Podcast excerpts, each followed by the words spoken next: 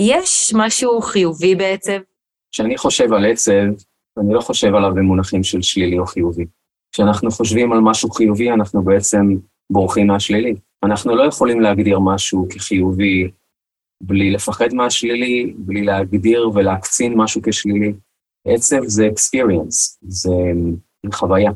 מסתכלים על הדברים בחיים שלנו, על האירועים בחיים שלנו, על אנשים בחיים שלנו, על זמנים בחיים שלנו, לא כחיובי או כשלילי, אלא כהזדמנויות לחוויה, כ-experiences. אז אנחנו פשוט חווים אותם. וכשאנחנו חווים אותם, אז אנחנו מרשים לעצמנו לקבל ולראות ולעבור דרך כל המנעד, בלי לחייב את זה או להשליל את זה. כי כשאנחנו עושים את זה, אנחנו נפרדים לפחות מחצי המנעד. אנחנו קיבלנו אוצר, אנחנו לא צריכים לחלק אותו, אנחנו צריכים פשוט לקבל אותו. וכשאנחנו חווים חוויה, אם אנחנו רוצים לקבל את החוויה כשיעור, כהזדמנות לגדילה, אנחנו לא אמורים לחלק אותה, אנחנו אמורים לחוות אותה. זה נשמע כל כך מעניין, אז בואו נתחיל את הפרק ונשמע על זה עוד. מזמינה אתכם למסע לפיצוח הפרעת הקשב שלכם, בכדי שתוכלו סוף סוף להבין ולקבל כלים להגשמת הפוטנציאל הזה שתמיד מדברים עליו. אני דוקטור שירלי הרשקו, מומחית בהפרעת קשב. אני מרצה וחוקרת באוניברסיטה העברית, מאבחנת ומטפלת, מדריכת הורים ומנחת סדנאות ארגון זמן, סופרת ובעלת טור בעיתון הארץ, מנהלת קהילת אנשי הקשב בפייסבוק, וגם מגדלת משפחת קשב. הדבר שהכי חשוב לי הוא להעלות את המודעות להפרעת קשב, ולכן יצרתי את הפודקאסט הזה. ולכל המאזינים אני גם מעניקה 10% על הקורסים שלי. יש פרטים בתיאור הפודקאסט ובאתר שלי. ועכשיו, בואו נצלול לפרק. ברוכים הבאים לפודקאסט של אנשי הקשב, בו נותנים מקום של כבוד לעולם של הפרעת קשב, ואת כל המידע המדויק וכלים שיכולים לעזור בקליניקה שלי אני רואה המון עצב וכאב, אנשים בוכים על מה שקורה להם היום, על מה שקרה להם בעבר, על מה שעתיד לקרות להם, לילדים שלהם, יש המון סבל. בבודהיזם קוראים לזה דוקה, ואומרים שכדי להתמודד עם הסבל צריך קודם כל להכיר בכך שיש סבל בעולם. אני אוהבת את הכיוון הזה, כי כשאנחנו נלחמים בסבל, אז או אנחנו אומרים לעצמנו שאסור לנו להיות עצובים, ולמה אנחנו ככה, ומה יהיה, זה גורם לנו להילחץ ולסבול יותר בסופו של דבר. בתחילת דרכי כמטפלת, הייתי יכולה ממש להיכנס לדיכאון ממה שהייתי שומעת שעובר על אנשים, ושאלתי את עצמי אם אני אצליח לעזור להם אחרי כל מה שהם עברו. ואז גיליתי את הדבר הכי מדהים בעולם. גיליתי שלאדם יש כוח על, והוא יכול להתמודד עם מה שקורה לו. ראיתי אנשים שיוצאים מתופת, מכאבים קשים, מדיכאונות של שנים, מילדות קשה מאוד, וזה מדהים אותי ומרגש אותי עד היום. אבל כדי לעשות את זה, האדם צריך קודם כל להבין מי הוא, כי ברגע שנדע את זה, אז נבין שיש בנו את הכוחות לעשות המון, להתגבר על משברים, לשאת כאב וסבל, לפתור את הקשיים. ובפרק הזה הזמנתי את רן קליף כדי לתת לנו ידע וכלים שיחזקו אותנו בדרך הזו. רן הוא המייסד של כללית ורפואה משלימה, הוא מטפל ברפואה יפנית וסינית, ועוסק במחקר של המוח ומדעי התודעה. אז רן, תודה רבה שהגעת להתארח אצלנו. תודה לך. ואני הייתי רוצה לפתוח בשאלה, מה זה בכלל עצב? עצב זאת תחושה מוכרת. זה חזרה על programming. כי מה שאדם אחד מתעצב בגינו, השני שמח וצוהל בגינו. זה בסך הכל state of mind. לכן אני אומר, אנחנו מצבי תודעה. איזה מצב תודעה אתה היום? איזה מצב תודעה היית אתמול? איזה מצב תודעה תהיה מחר? יש אנשים שמצב התודעה שלהם מקובע בשכונה מאוד קטנה, ולכן מנעד הרגשות שלהם נע בין סבל, כאב, דיכאון ופסימיות. אבל יש אנשים שמנעד התודעה שלהם הוא הרבה יותר רחב מזה, כי הם קיבלו הזדמנות מאותה מערכת שגידלה אותם, שחינכה אותם, שהקליטה עליהם למעשה, על האישיות שלהם, תובנה של החיים רחבה יותר, wider understanding of life. וכאשר יש לנו מספר כתובות לבקר בהן, אז עצב בשבילנו הופך להיות משהו זמני, יומי, אה, שעתי, דקתי. אבל מי שאין לו יותר מדי כתובות לבקר בהם, יש לו רק מעט מאוד מקומות לבקר בהם. הוא הולך לבקר בעצב הרבה יותר זמן בחיים שלו, כי אין לו פשוט בית אחר לעבור אליו. איך אתה באמת מציע לאנשים שמקשיבים לנו עכשיו להרגיש יותר טוב ולא להיות עצובים או להסתכל על העצב שלהם אחרת ומתוך זה להתגבר גם על הקשיים שלהם? אז אה, קודם כל, אם אנחנו מאבדים את השמחה שלנו ונעשים עצובים לתקופה, להבין שזה לא מצב רפואי, זה בסך הכל מצב שבו אנחנו נסוגים. אנחנו נסוגים לתוכנו, אנחנו מתכנסים לתוכנו, כדי להבין את עצמנו, כדי להתקרב לסלף, לעצמי שלנו. אנחנו נעשים שקטים ומכונסים, פחות מדברים, פחות מקשיבים לסובב, פחות קומוניקטיביים, תקשורתיים, כדי לתת למוח שלנו לעבור שינוי, בלי ההיסטריה של הרגשות. בגלל זה, הרבה מאוד פעמים שאנחנו עצובים, אנחנו רוצים להיות לבד, או אנחנו מבקשים שקט לעצמנו באיזשהו מקום שהוא מוגן, או קצת מנותק. לפעמים ההתנהגות שלנו זה המקום המוגן והמנותק הזה. כי אנחנו מחפשים מפלט. אנחנו מוצאים מפלט בחלק של המוח האמצעי שלנו. החלק שהוא לא ורבלי, הוא לא אודיטורי, הוא לא ויזואלי. זה המקום שבו אנחנו נמצאים, לדוגמה, כשאנחנו ישנים. הרי כשאנשים עצובים, הם מפסיקים להיות עצובים כשהם ישנים, נכון? גם הבן אדם הכי עצוב, כשהוא ישן, איפה העצב שלו הלך? למה? כי הוא הלך למקום שבו אין עצב, יש רק ידיעה. ידיעה זה התולדה והתוצאה של מחשבה, הרגשה וחוויה. אחרי שאנחנו חשבנו משהו, הופיע הרגש שיתמוך במחשבה הזאת, מופיעה החוויה שתיתן לנו ולידיטי, חיזוק, אשרור ל, לרגש הזה, אז אנחנו עברנו חוויה, אנחנו השגנו תובנה, עכשיו אנחנו יודעים.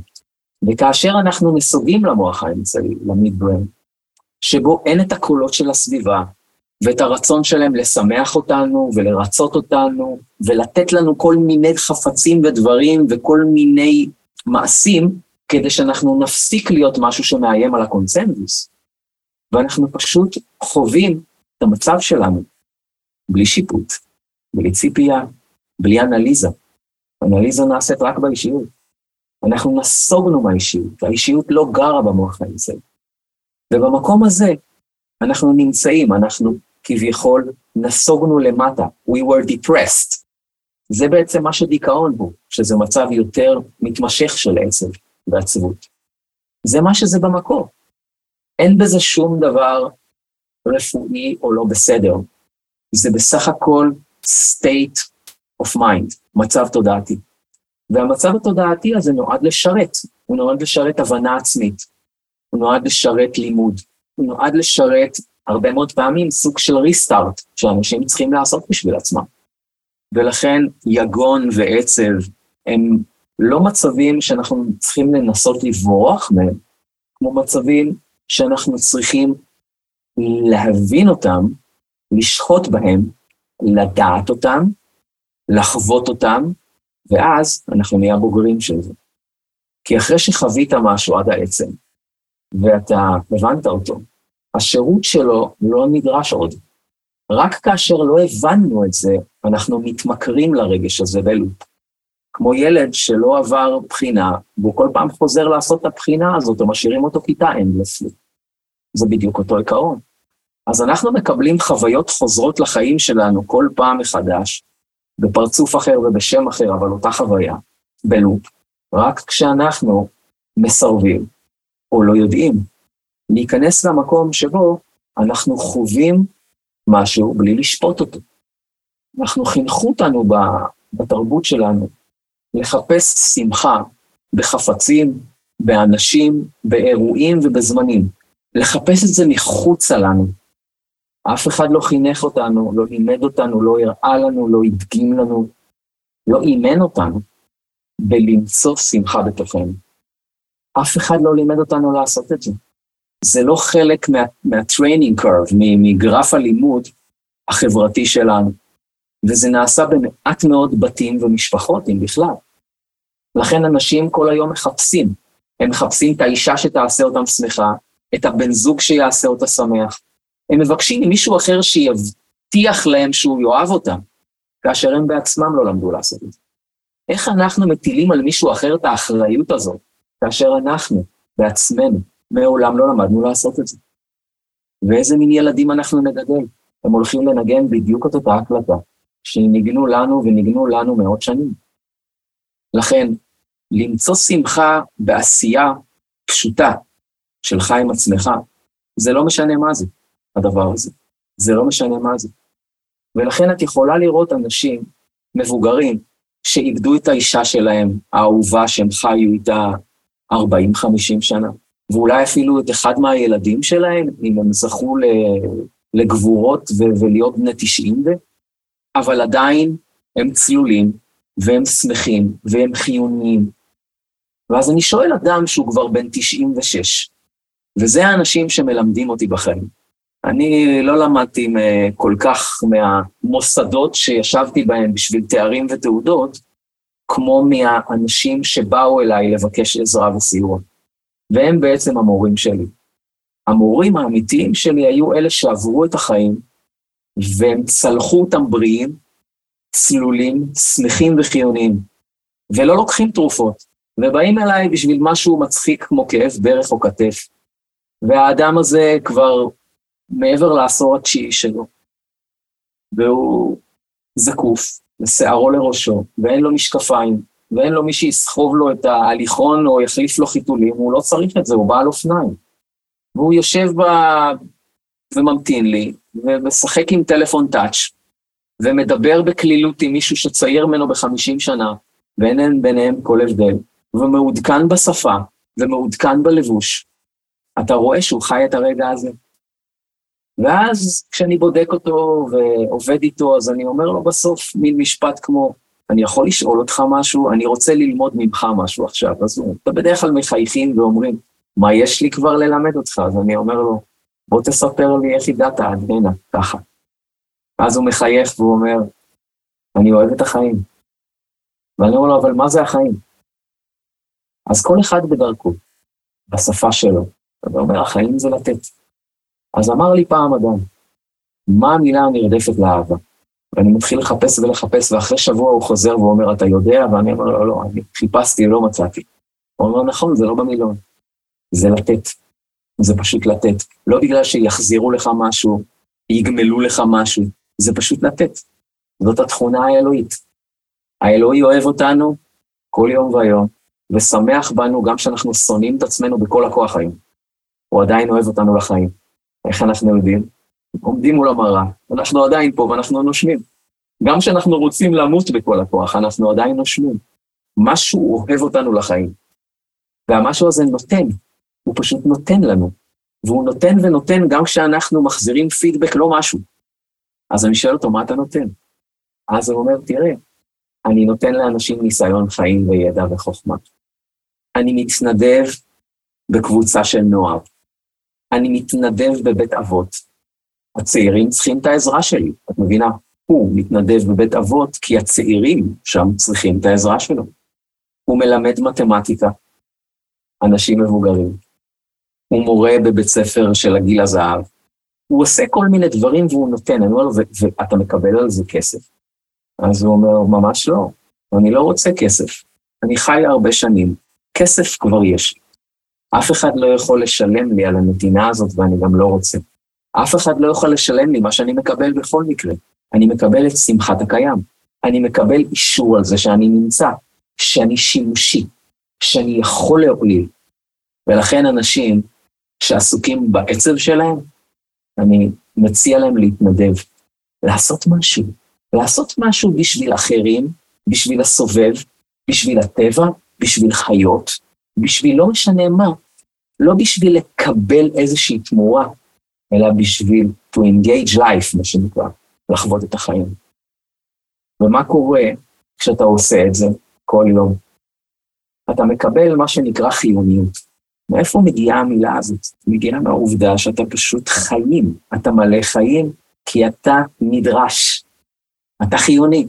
אתה חיוני לבן אדם הזה, אתה חיוני לסיטואציה ההיא, אתה חיוני בגלל שאתה הקמת משהו ועכשיו אנשים באים אליך. אתה חיוני. ולכן, הכוח שלנו בא מנתינה. לימדו אותנו להיות צרכנים, אבל אנחנו שכחנו שבתוכנו קיימת ישות שרק נותנת.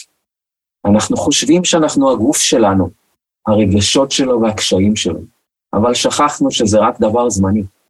הדבר הנצחי לא צריך שום דבר מאף אחד, ולכן אף אחד לא חייב לו כלום. הדבר הזה רק מעניק ונותן, וזה עבורי מקור לשמחה.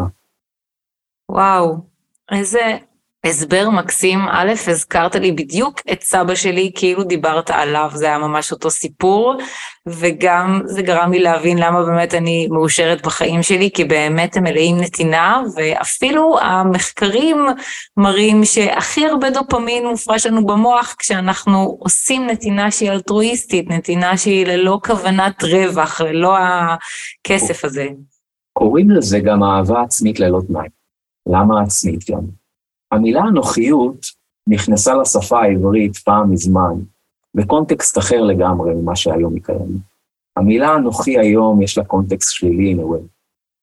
כאשר פעם זה היה אני נוכח אלוהים. אני נוכח יוד. אני נוכח. God I am. אני נוכח. עכשיו מה? ברגע שאנחנו מבינים את זה, שהנוכחות ברגע הזה זה מקור הכוח שלנו, אז אנחנו מבינים שאנחנו ברגע הזה ישויות בלי עבר, כי כל הכוח שלנו נמצא היום. אנחנו מפסיקים להיות קורבן של מה שמישהו עשה לנו לפני 40 שנה. מפסיקים להיות ילד מזדקן שהיכו אותו לפני 35 שנה, ואנחנו הופכים להיות מוקירי תודה על הרגע הזה. ברגע שאנחנו מבינים לכם שאין דבר כזה היה, ואין דבר כזה יהיה, יש רק את הרגע הזה, אז אנחנו גם מיד צריכים להבין שאין דבר כזה הם ואנחנו. יש את היש, או את האיזנס, מה שנקרא. ומה זה אומר? זה אומר שאין הבדל ביני לבינך באמת. זה לא משהו שאני מעניק לך, אני מעניק את זה לעצמי. אני מעניק לך, אם תרצי, בנוכחותי. אני רואה את השמחה שלך בנוכחותי. אני שמח בעצמי בנוכחותך. זה אומר שאנחנו משפחת האדם, אחוות האדם. והיכולת שלנו להכיר ברגע הזה מנתקת כל הבדל בינינו, בין כמה אני, בין כמה אתה, מאיפה אני באת, מאיפה אתה באת, איזה דברים אני עברתי, איזה דברים אתה עברת, כל זה לא מעניין כשאנחנו נמצאים כרגע ברגע הזה. ברגע הזה כולנו אלים, ברגע הזה כולנו נשמות על, ברגע הזה כולנו יכולים. אין אדם אחד בעולם שברגע הזה לא יכול לתת כלום. האני יכול לתת חיוך. מה זה עולה לו למשהו? הוא יכול לעזור למישהו ברחוב. מה זה עולה לו במשהו? המדוכא והעצוב יכול להעניק, כמה שזה נשמע מוזר, תובנה לאדם עצוב הרבה יותר ממנו. אדם שחסרה לו יד אחת יכול לעזור מאוד למישהו שחסרות לו שתיים. אין סוף ליכולת שלנו לתת. אין סוף ליכולת הזאת. פעם דיברתי עם אדם שסיפר לי סיפור יוצא דופן, והסיפור היה על זה שהוא הבין משמעותה של נתינה גם בחוסר אונים מוחלט לכאורה, כשהוא היה מחוסר הכרה והוא היה צמח.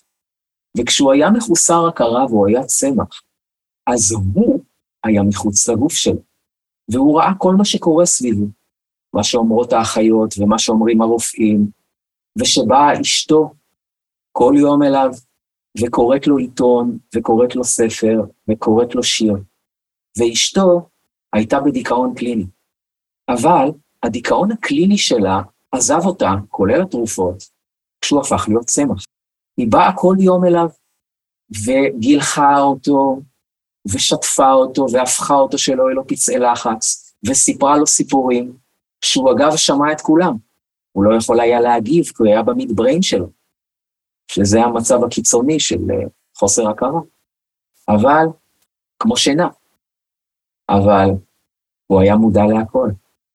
אז הוא אמר לי, גם ברגעים הכי חסרי אונים שלי, אני עזרתי לה לצאת מדיכאון. וכשאני התעוררתי אחרי שלושה חודשים, מצאתי אישה שמחה לפגוש אותי. אישה שכל כך מוקירה אותי, וכל כך מוקירה ומבינה, שכאשר סיפרתי לה את כל הסיפורים שהיא סיפרה לי, ושרתי לה את כל השירים שהיא שרה לי, ואמרתי לה תודה על הגילוח, ותמיד את שורטת אותי בצד שמאל. אז היא חיבקה אותי וחייכה, והיא אומרת, אני ידעתי, שימי לב, לא אמרה חשבתי, אני ידעתי והרגשתי שאתה מרגיש כל מה שאני עושה. ואני הייתי רגילה להיות חסרת האונים בבית, והעצובה. אבל כשאתה הפכת להיות חסר אונים, אני הפכתי להיות אל רב כוח.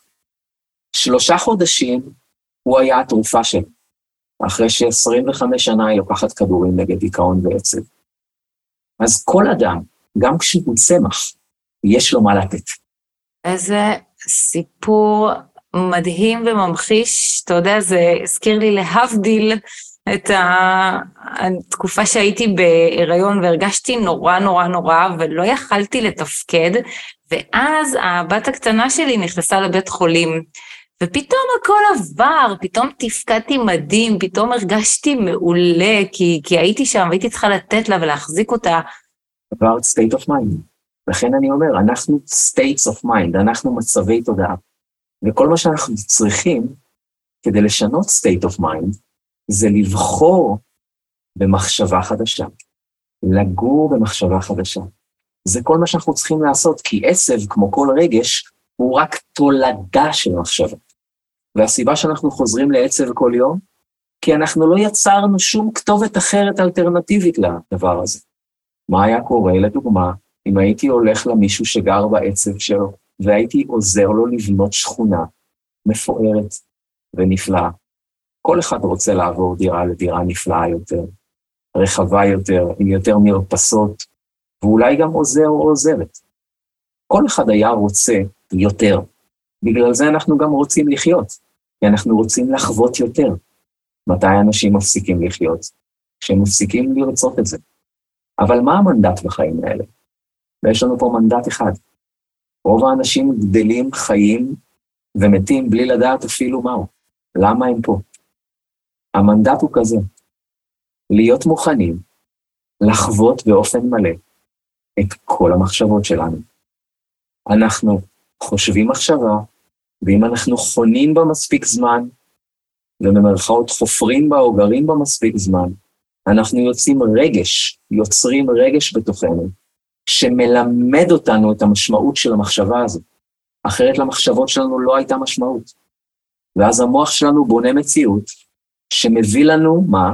אנשים, דברים, מקומות ואירועים, זמנים, שיאשרו לנו את הרגש הזה.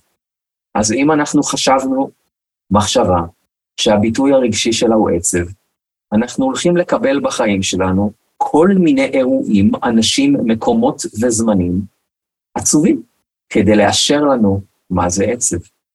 אז כאשר אנחנו נסוגים למוח האמצעי, אנחנו מיד חופשיים ליצור מחשבה חדשה.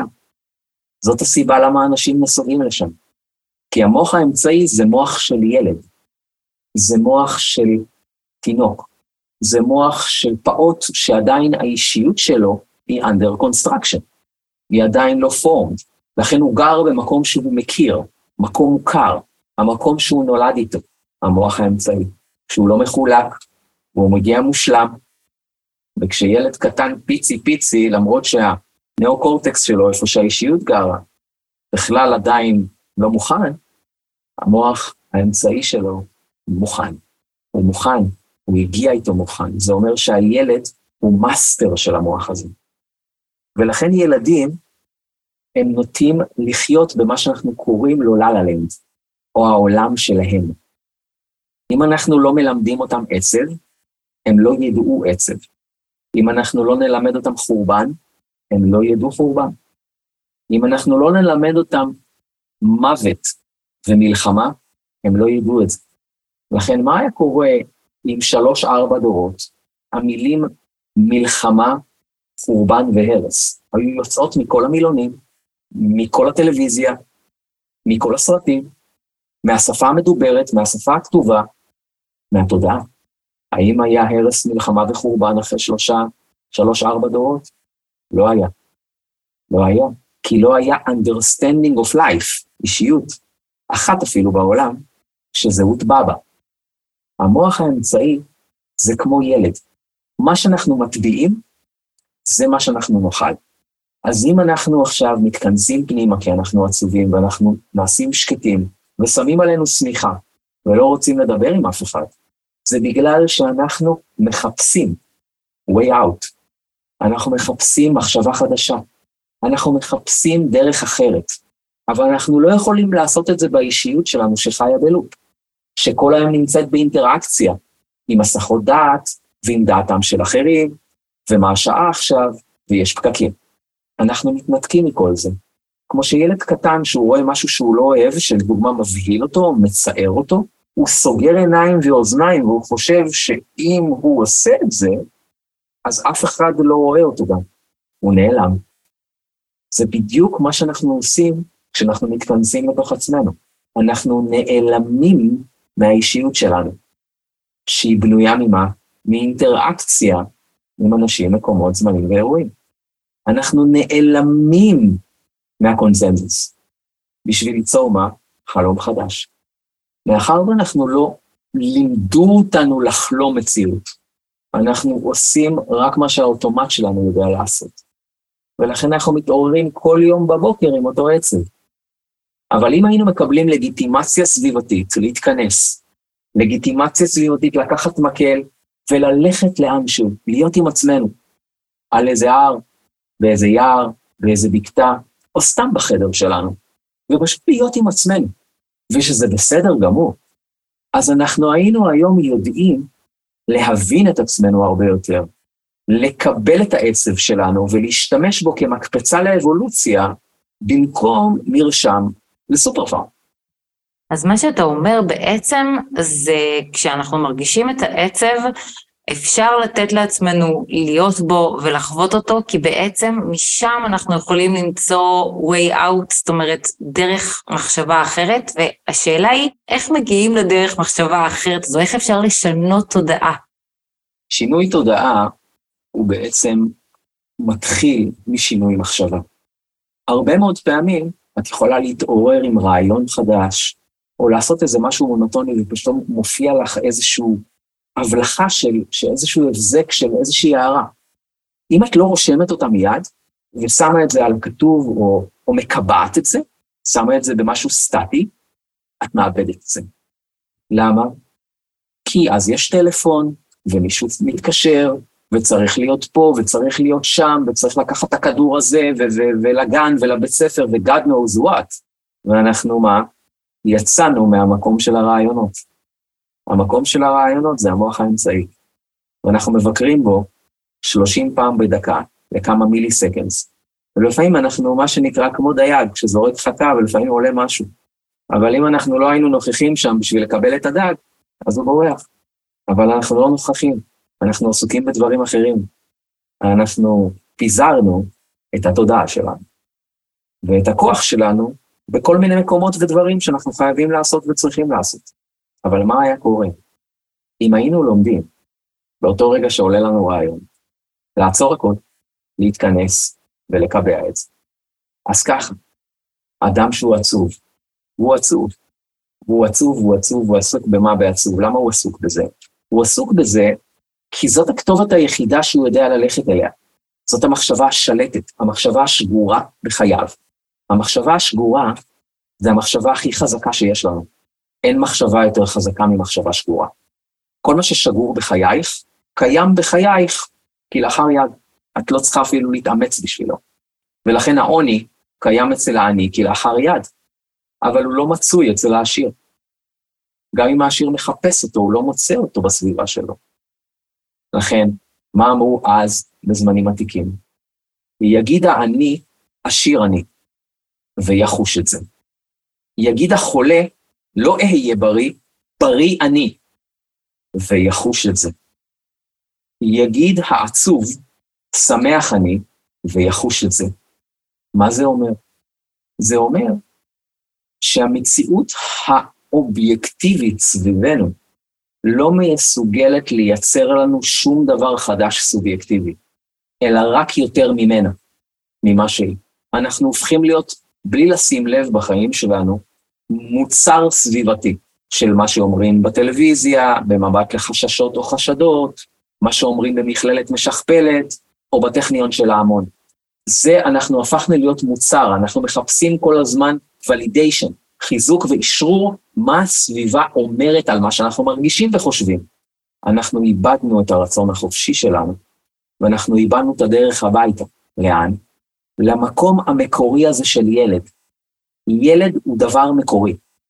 אנחנו אחר כך הפכנו אותו להיות מוצר של המשפחה, מוצר של אימא, מוצר של אבא, אבל הוא הגיע מקורי. למה הוא הגיע מקורי? כי הוא הגיע כשהוא גר במוח האמצעי. המוח האמצעי לא מחובר לחושים האלה, הוא מחובר לחלק אחר לחלוטין של המוח, שנקרא The Mind of God. ומה זה החלק הזה? זה בעצם נהר ההזדמנויות, כמו שאמרתי בתחילת השיחה. כשתופסים את חוויות החיים כהזדמנויות, ולא כאנשים, חפצים או דברים כמו שהם, כשתופסים את החיים כנהר של הזדמנויות, ולא נהר של, של עצב וסבל וחוסר מזל וכל המילים האלה שהתרגלנו להשתמש בהם, אז כשאנחנו שוקעים אל תוך עצמנו ומרגיעים הכל, ונכנסים לאיזה מין שקט כזה, כמו השקט שלפני השינה, אבל אנחנו לא נרדמים, אנחנו פשוט שוהים בו. זה מה שאנשים עצובים הרבה פעמים עושים. הם לא ישנים אפילו, הם רק בשקט סוגרים עיניים ושמים שמיכה וזהו, יכולים להיות ככה שעות. למה הם עושים את זה? כי הם חוזרים למצב של טראנס, מצב טרנסצנדנטלי, שבו הם נמצאים בתוך עצמם, מכונסים בתוך עצמם, כמו ילד קטן ששם עליו את, ה, את הידיים כדי לא לראות, או שם עליו שמיכה ועכשיו הוא בוונדרלנד. ובמקום הזה אנחנו חולמים. מה אי אפשר לחלום? תראי לי משהו בלתי אפשרי ואני מיד סטודנט. אין דבר כזה בלתי אפשרי. אז כל אדם עצוב, יש לו לפחות בחיים שלו חוויה אחת שהעצימה אותו. באיזשהו חלק של החיים שלו, ואם זה לא שלו, הוא היה עד למישהו אחר שזה קרה לו. אם זה לא שלו, הוא חלם את זה לפחות בחלום פעם בחייו. כל אדם בחיים שלו, הייתה לו איזושהי חוויה כזאת. זה אבן דרך בחיים שלו. כל מה שהוא צריך לעשות זה להיצמד על זה, ולחלום את זה, ולהגדיל את זה. למה זה דומה? זה דומה לאיזה מין אסיר שיש לו רק צוהר אחד בתא שלו. ויום אחד הוא עוזר אומץ, והוא מטפס לצוהר הזה שהוא בגובה ארבע מטר מעל התא שלו. ובפעם הראשונה הוא מביט, שם את הראש מחוץ לצוהר, והוא קולט שיש עולם שלם מעבר לצוהר. זה לא צוהר צר של שמחה שפעם אני הרגשתי, לא. כשאני מכניס את כל התודעה שלי פנימה, את כל הראש שלי, כולל הצוואר, ופותח את העיניים דרך הצוהר אל מחוץ לצוהר, אני אגלה שהצוהר הזה לוקח אותי לעולם שלם של מנעד רגשות של שמחה. ולכן, דמיון צריך לפתח. ואדם שהוא עצוב, צריך לפתח את הדמיון שלו. בגלל זה הוא מתכנס ומתכסה. הוא צריך לפתח את הדמיון שלו, כי בדמיון שלו נמצאת הדרך החוצה מהמצב. והגוף תמיד עושה את זה, או אנחנו, העצמיות שלנו תמיד עושה את זה, כשהיא משועממת מהחיים, והיא כבר מיצתה את כל הפינות בשכונה הזאת שנקראת אישיות, היא מכירה את כל הדלתות ואת כל הארונות ואת כל הסיטואציות, היא כבר משועממת מעצמה. היא איבדה את היכולת שלה לחלום מציאות חדשה. כי רק ביכולת הזאת יש שמחה. מה זה שמחה? זה היכולת ליצור ללא הפרעה. אבל כאשר אתה מרגיש שאתה מוגבל כבר, ואת זה אי אפשר, וזה אי אפשר, בגלל דברים שעשיתי, או דברים שעשו לי, או דברים שיעשו לי, אתה מאבד שמחת חיים. ולכן מה אתה עושה? באופן אינטואיטיבי אתה מתכנס מתוך עצמך, כדי שתוכל לחלום מציאות חדשה.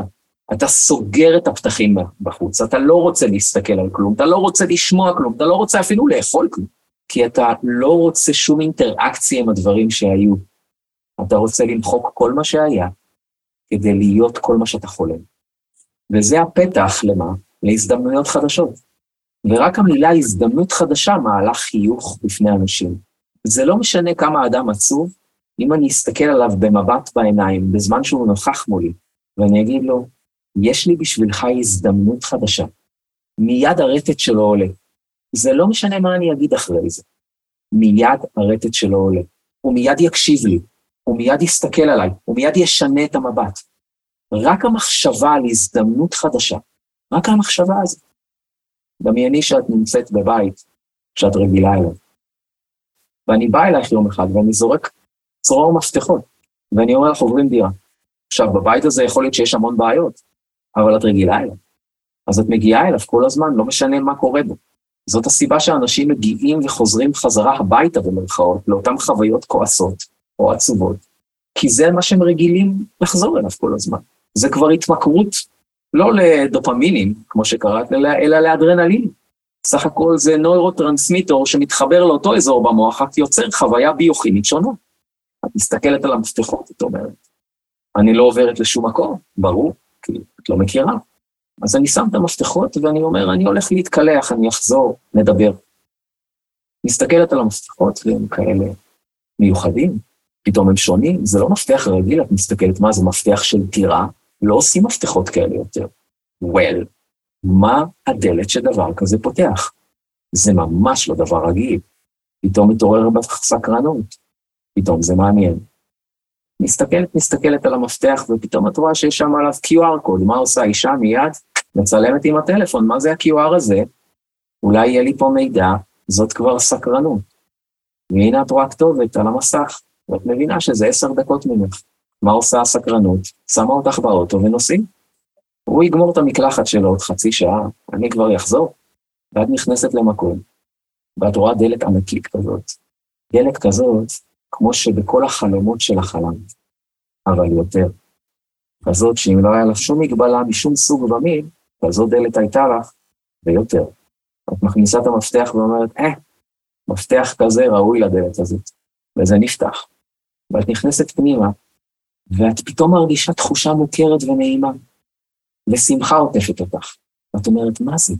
למה אני כל כך שמחה ולמה אני מרגישה כאן כל כך בטוחה? יותר בטוחה אפילו מהבית שלי.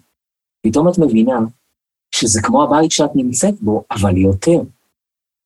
הקירות יותר, והחלונות יותר, והכל ספון בכל הדמיון שלך ויותר.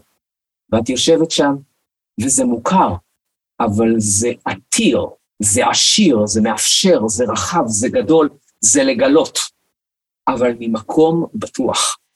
ואת מבינה שגם בארון יש בגדים לטעם שלך, כאילו את בחרת אותם. והמקלחת בדיוק, וכל כלי המטבח מהז'ורנלים שאת הכי אוהבת, אבל יותר. ואת רואה שהזמן עובר, ואת נוסעת חזרה הביתה, ואת לא רוצה לחזור לבית הישן שלך, פתאום. ואני יוצא מהמקלחת, ואת אומרת לי, עוברים?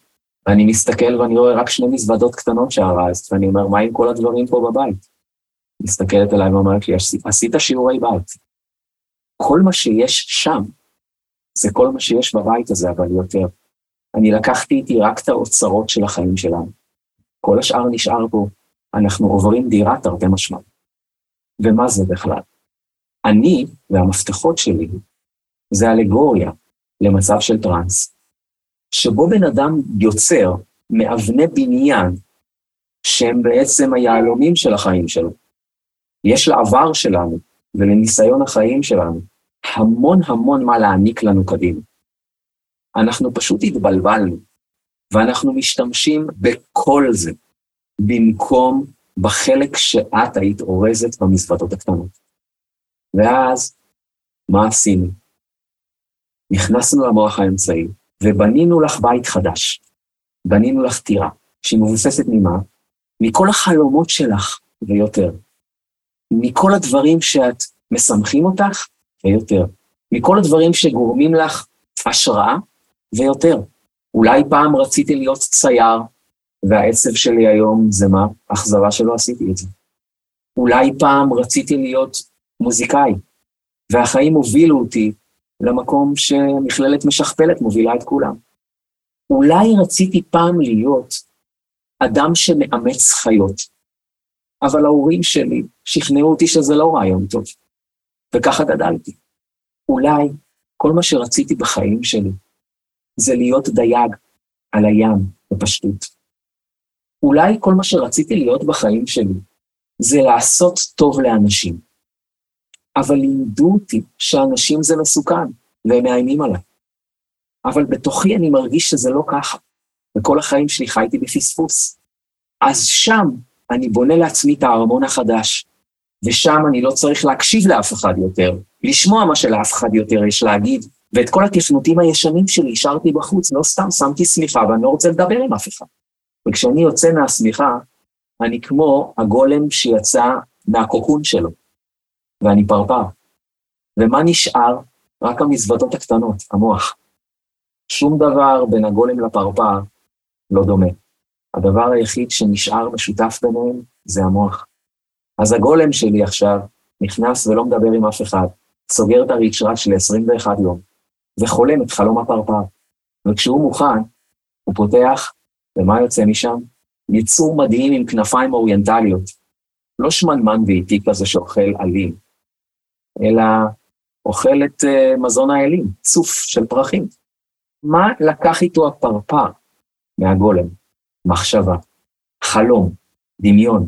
21 יום הגולם חולם את חלום הפרפר, עד שהוא שכח מה שהוא היה, לטובת כל מה שהוא רוצה להיות. ואז מה? נוצרו המפתחות, ואז יש לנו כבר כתובת, ויש QR קוד, ויש דירה אחרת לעבור אליה. וכאשר הדירה בתודעה גדולה מהדירה הקיימת, אנחנו נעשה שינוי של state of mind. אנחנו נעבור שינוי אישיותי.